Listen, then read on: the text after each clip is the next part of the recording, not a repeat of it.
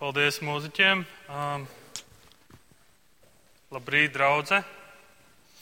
Labrīt visiem, kas esat ieradušies. Un, uh, kā Markus jau teica, tā, tā īpaši uh, sakot, ka di, divi mēneši, es pat, uh, es pat pats tā nebiju iedomājies, ka divi mēneši nav sludināts. Un, uh, bet ir labi būt kopā un ir, ir patīkami būt ar draugu kopā un, un domāt par Dievu vārdu. Un, eh, un tā kā mēs domājam par valijas tanti, tad, eh, kad Girts teica, tad eh, valijas tante bija tā, kas parasti pēc dievkalpojuma bija tā, kas kaut ko teica par manu vārdu. Un tad parasti viņa teica, dzen taču nost to vārdu, ko tu tur āksties un tā. Tā kā Tagad jāaudzē, kamēr kāds cits teiks dzennost. Uh, bet, nu jā, o, tā, kā jau mēs zinām, šodien mēs turpinam sēriju un mēs turpinam domāt par Jēzus pavēlēm. Pavēles, ko teica Jēzus Kristus. Pavēles, ko teica Jēzus Kristus. Un pirms mēs sākam, es aicinu, ka mēs varam lūgt Dievu. Debes Tēvs, paldies par Tavu vārdu, paldies par, paldies par Jēzu Kristu, paldies par draugu. Un paldies par valies tanti, ko Tu mums tiki devis, par, par to, ko Tu mums biji devis, un paldies par viņas piemēru, par viņas lūgšanas dzīvi, un paldies Tev par to, un, un par šo pavēli, kad mēs šodien, klaus, kad mēs šodien domājam par pavēli dzirdēt, es gribu pateikt paldies par to, ka tu runā. Un tāpēc, ka tu runā, tu gribi, lai mēs arī dzirdam. Un es lūdzu, ka mēs šodien dzirdam, un es lūdzu runā uz manu sirdi, atver mūsu acis, sirdis, prātus, un uh, lai mēs saprotam, ko tu mums saki. Jēzus vārdā. Āmen.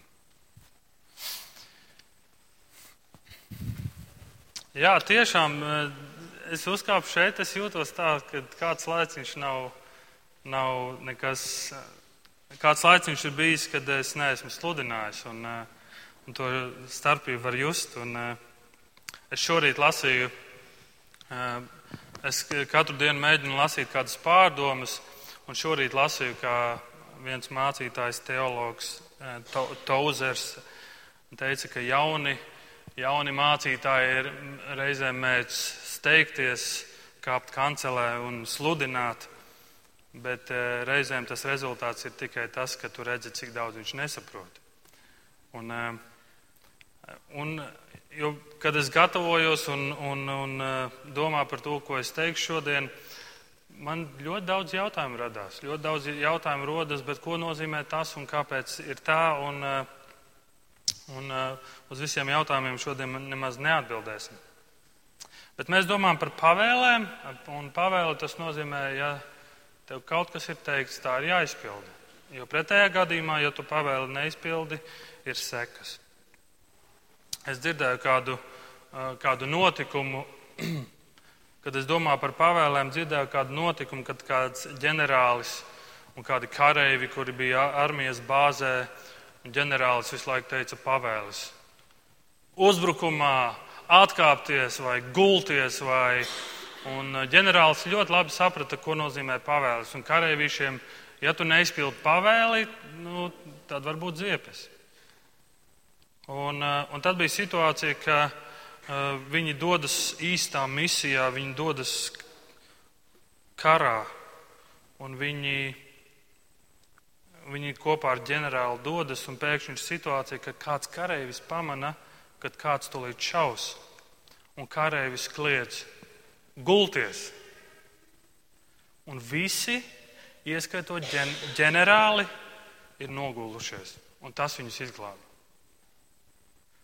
Un, un liekas, ģenerālis ir tas, kurš dod pavēles, bet viņš ļoti labi saprata, ko nozīmē pavēle.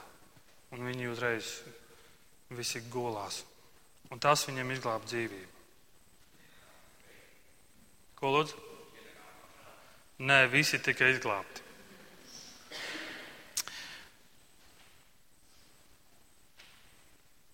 Šodienas rakstu vietu, ko es gribu lasīt un ko es gribu kopā ar jums domāt, ir no Mateja evaņģēlija 13. nodaļas. Mateja evaņģēlijas 13. nodaļa no 1 līdz 9. un pēc tam no 18. līdz 23. Līdzība, ko mēs ļoti daudz esam dzirdējuši. Mateja 13, 1 līdz 9. Tajā pašā dienā Jēzus izgājis no nama, apsēdās jūras krastā un liels ļaužu pūlis sapulcējās pie viņa. Tādēļ viņš iekāpa laivā un apsēdās, bet ļaudis stāvēja krastā. Viņš tiem daudz runāja līdzībās, teikdams: Redzi, sējējs izgāja sēt. Viņam sējot, cita sēkla krita ceļmalā un putni nāca un to apēda. Cita krita akmenājā, kur tai nebija daudz zemes. Tā tūlīt uzdīga. Tādēļ, ka tā nebija dziļi zemē. Bet, kad saule uzlēca un dedzināja, tā nokalta tādēļ, ka tai nebija sakņu. Cita sēkla krita starp ērkšķiem, un ērkšķi izauga un to nomāca. Bet cita sēkla krita labā zemē un nesa augļus, cita simtkārtīgus, cita sešdesmit kārtīgus, cita trīsdesmit kārtīgus. Kam ausis dzirdēt, tas lai dzird. Un no 18. skaidrojums. Tad nu ieklausieties līdzībā par sējēju. Pie ikviena kas valstības vārdu dzird, bet neaptver, nāk ļaunais un nolaupa, kas iesēdz viņa sirdī. Šis ir tas, kas iesēdz ceļmalā, bet kas sēdz akmenājā, tas vārdu dzird un to tūlīt ar prieku uzņem, bet viņā nav sakņu, un viņš ilgi neiztur. Kad nāk spaidu un vajāšanas vārda dēļ, tas tūlīt apgrēkojas. Bet kas sēdz starp pērkšķiem, tas vārdu dzird, bet laicīgās rūpes un bagātības viltus to noslēpē, un viņš kļūst neauglīgs. Kas sēdz labā zemē, tas vārdu dzird un saprot, un viņš nes augļus. Cits simtkārtīgus, cits sešdesmit kārtīgus, cits trīsdesmit kārtīgus. 13. nodaļa, 9. pants, kam ausis dzirdēt, tas lai dzird. Un mēs ļoti daudz, ļoti daudz esam noteikti dzirdējuši šo līdzību un, un, un esam dzirdējuši svētrunas par to, ko tas nozīmē. Par dzirdēšanu šodien. Daudzi uzskata, ka Jēzus uzdevums ir bijis atnākt uz šo pasauli un glābt mūs no grēka. Un tas bija viens no viņa uzdevumiem. Bet daudzi uzskata, ka Vienīgais uzdevums, ko Jēzum vajadzēja darīt, ir atnākt un glābt mūs no grēka, un tas arī viss. Bet mēs redzam, ka Jēzus atnākot dara arī kaut ko citu. Viņš dziedina, viņš atver acis, viņš ceļ augšā no nāves. Viņš rāda mums kaut ko, kas ir atnācis. Viņš rāda mums debesu valstību. Ko tas nozīmē ieiet debesu valstībā? Un kā mēs ieejam?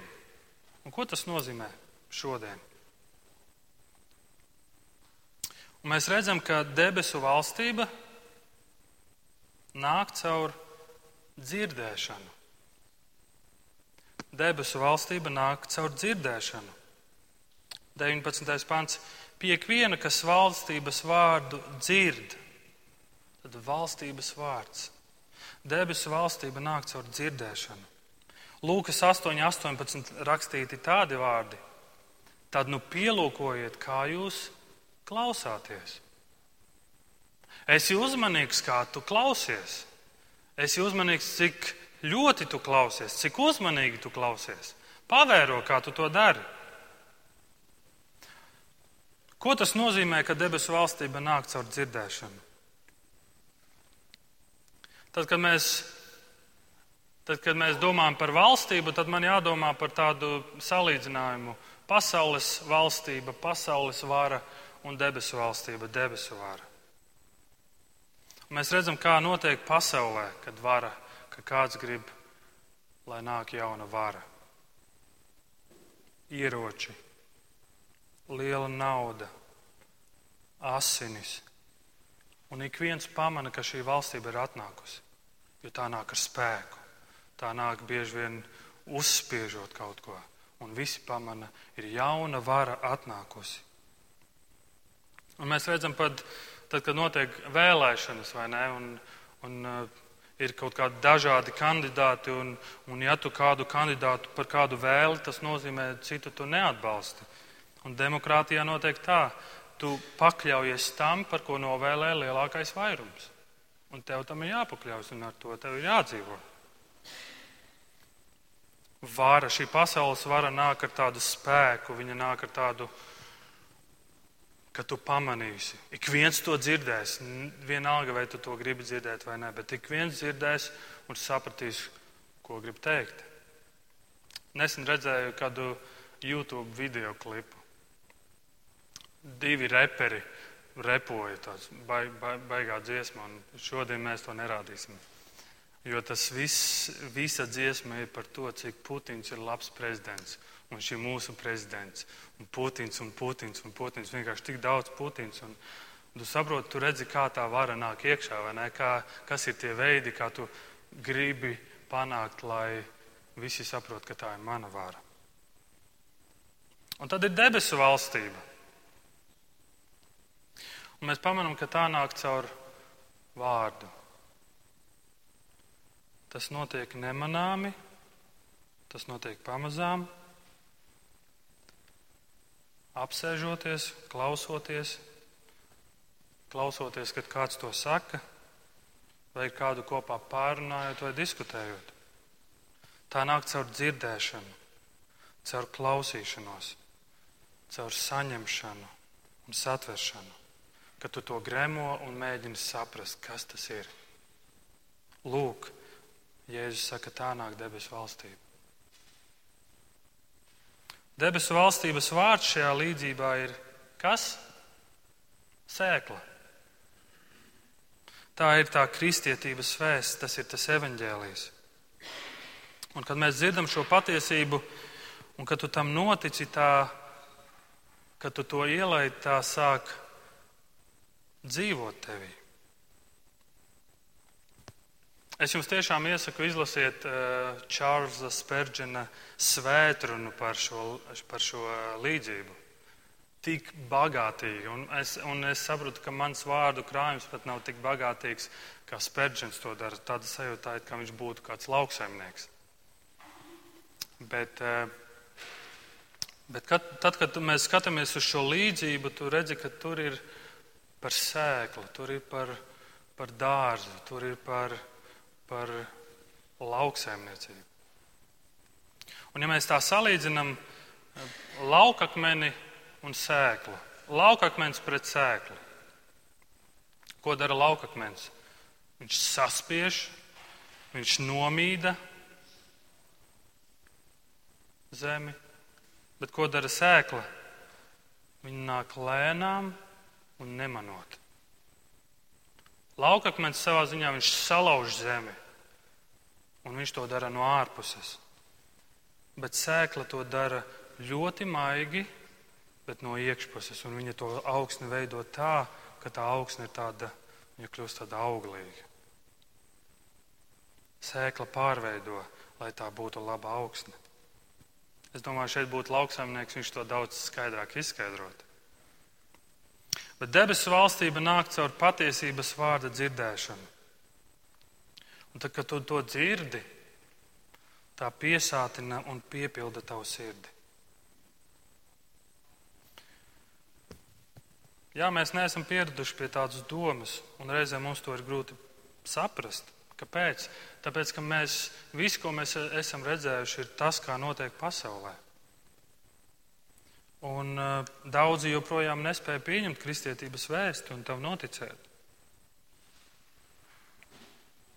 Mēs reizēm pakļaujamies dažādiem spiedieniem, mēs reizēm šaubamies, mēs cīnāmies ar slepeniem grēkiem, un ar kuriem netiekam galā. Kāpēc? Kāpēc reizēm ir tās šaubas? Kāpēc reizēm ir tādas nesaprašanas zaudējumi? Viens no iemesliem var būt tāpēc, ka mēs nesaprotam, kā debesu valstība nāk. Un kā tas ir, kas ir tas, ko Jēzus saka? vakar zvanīju Markusam, un mums bija tāda interesanta saruna. Un saruna par to, ko es gatavoju, un es jautāju viņa domas, un viņš padalās, un tam mēs runājam, un runājam par Dievu vārdu, ko tu tur redzi un ko es redzu. Un, un tāds, tāds labs veids, kā tu vari gremot Dievu vārdu kopā. Un tas, ko Mārkus pateica, labu domu, viņš teica, bet paskaties uz Jānu Kristītāju. Atrodas cietumā un sūta ziņu Jēzum. Un ko viņš saka? Jānis, atrastamies ieslodzījumā, dzirdēja par Kristus darbiem un nosūtījis pie viņa savus mācekļus, lika viņam jautāt, vai tu esi tas, kam jānāk, vai mums kāds cits ir jāgaida? Jēzus tiem atbildēja: Ejiet un sakiet Jānim visu, ko dzirdat un redzat. Akli redz, kropli staigā, spitālīgi top šķīstīti un kurli dzird. Mirušie augšām ceļas un nabagiem tiek pasludināta prieka vēsts. Un laimīgs ik viens, kas manis dēļ neapgrēcinās. Jānis šaubās, Jānis Kristītājs, kurš nāk un pasludina sagatavo ceļu Jēzum Kristum. Viņš šaubās, viņš saka, vai tu esi tas, vai mums citu gaidīt? Jānis ir cietumā. Un varētu domāt, kāpēc viņš šaubās. Varbūt tāpēc, ka viņš ir apmulsis, varbūt viņam ir caurums teoloģijā, ka viņš pats nesaprot, kā tā valstība nāks. Ka tā, varbūt viņš domā, es taču esmu lielā ķēniņa kalps, bet es esmu cietumā, es esmu ciešanās, un, un uz mani spļauj un mani mēda, kāpēc tāda netaisnība? Un tas, ko Jēzus atbild, tas, ko Jēzus viņam pasaka, mācekļiem ar to pietiek. Viņi pagriežas un dodas atpakaļ pie Jāņa. Debesu valstība nāk lēnām, tā dīkst kā maza sēkla, un tā iekļauj ciešanas un grūtības. Man liekas, ar mums ir tieši tāpat kā ar Jāni. Kad mēs sastopamies ar grūtībām, reizēm mēs sākam šaubīties. Mēs sākam jautāt, vai tas ir to vērts un kāpēc ar mani tā notiek. Dievs, kur tu esi un visi šie jautājumi. Kāpēc es ciešu, kāpēc es sastopos ar tik daudz grūtību?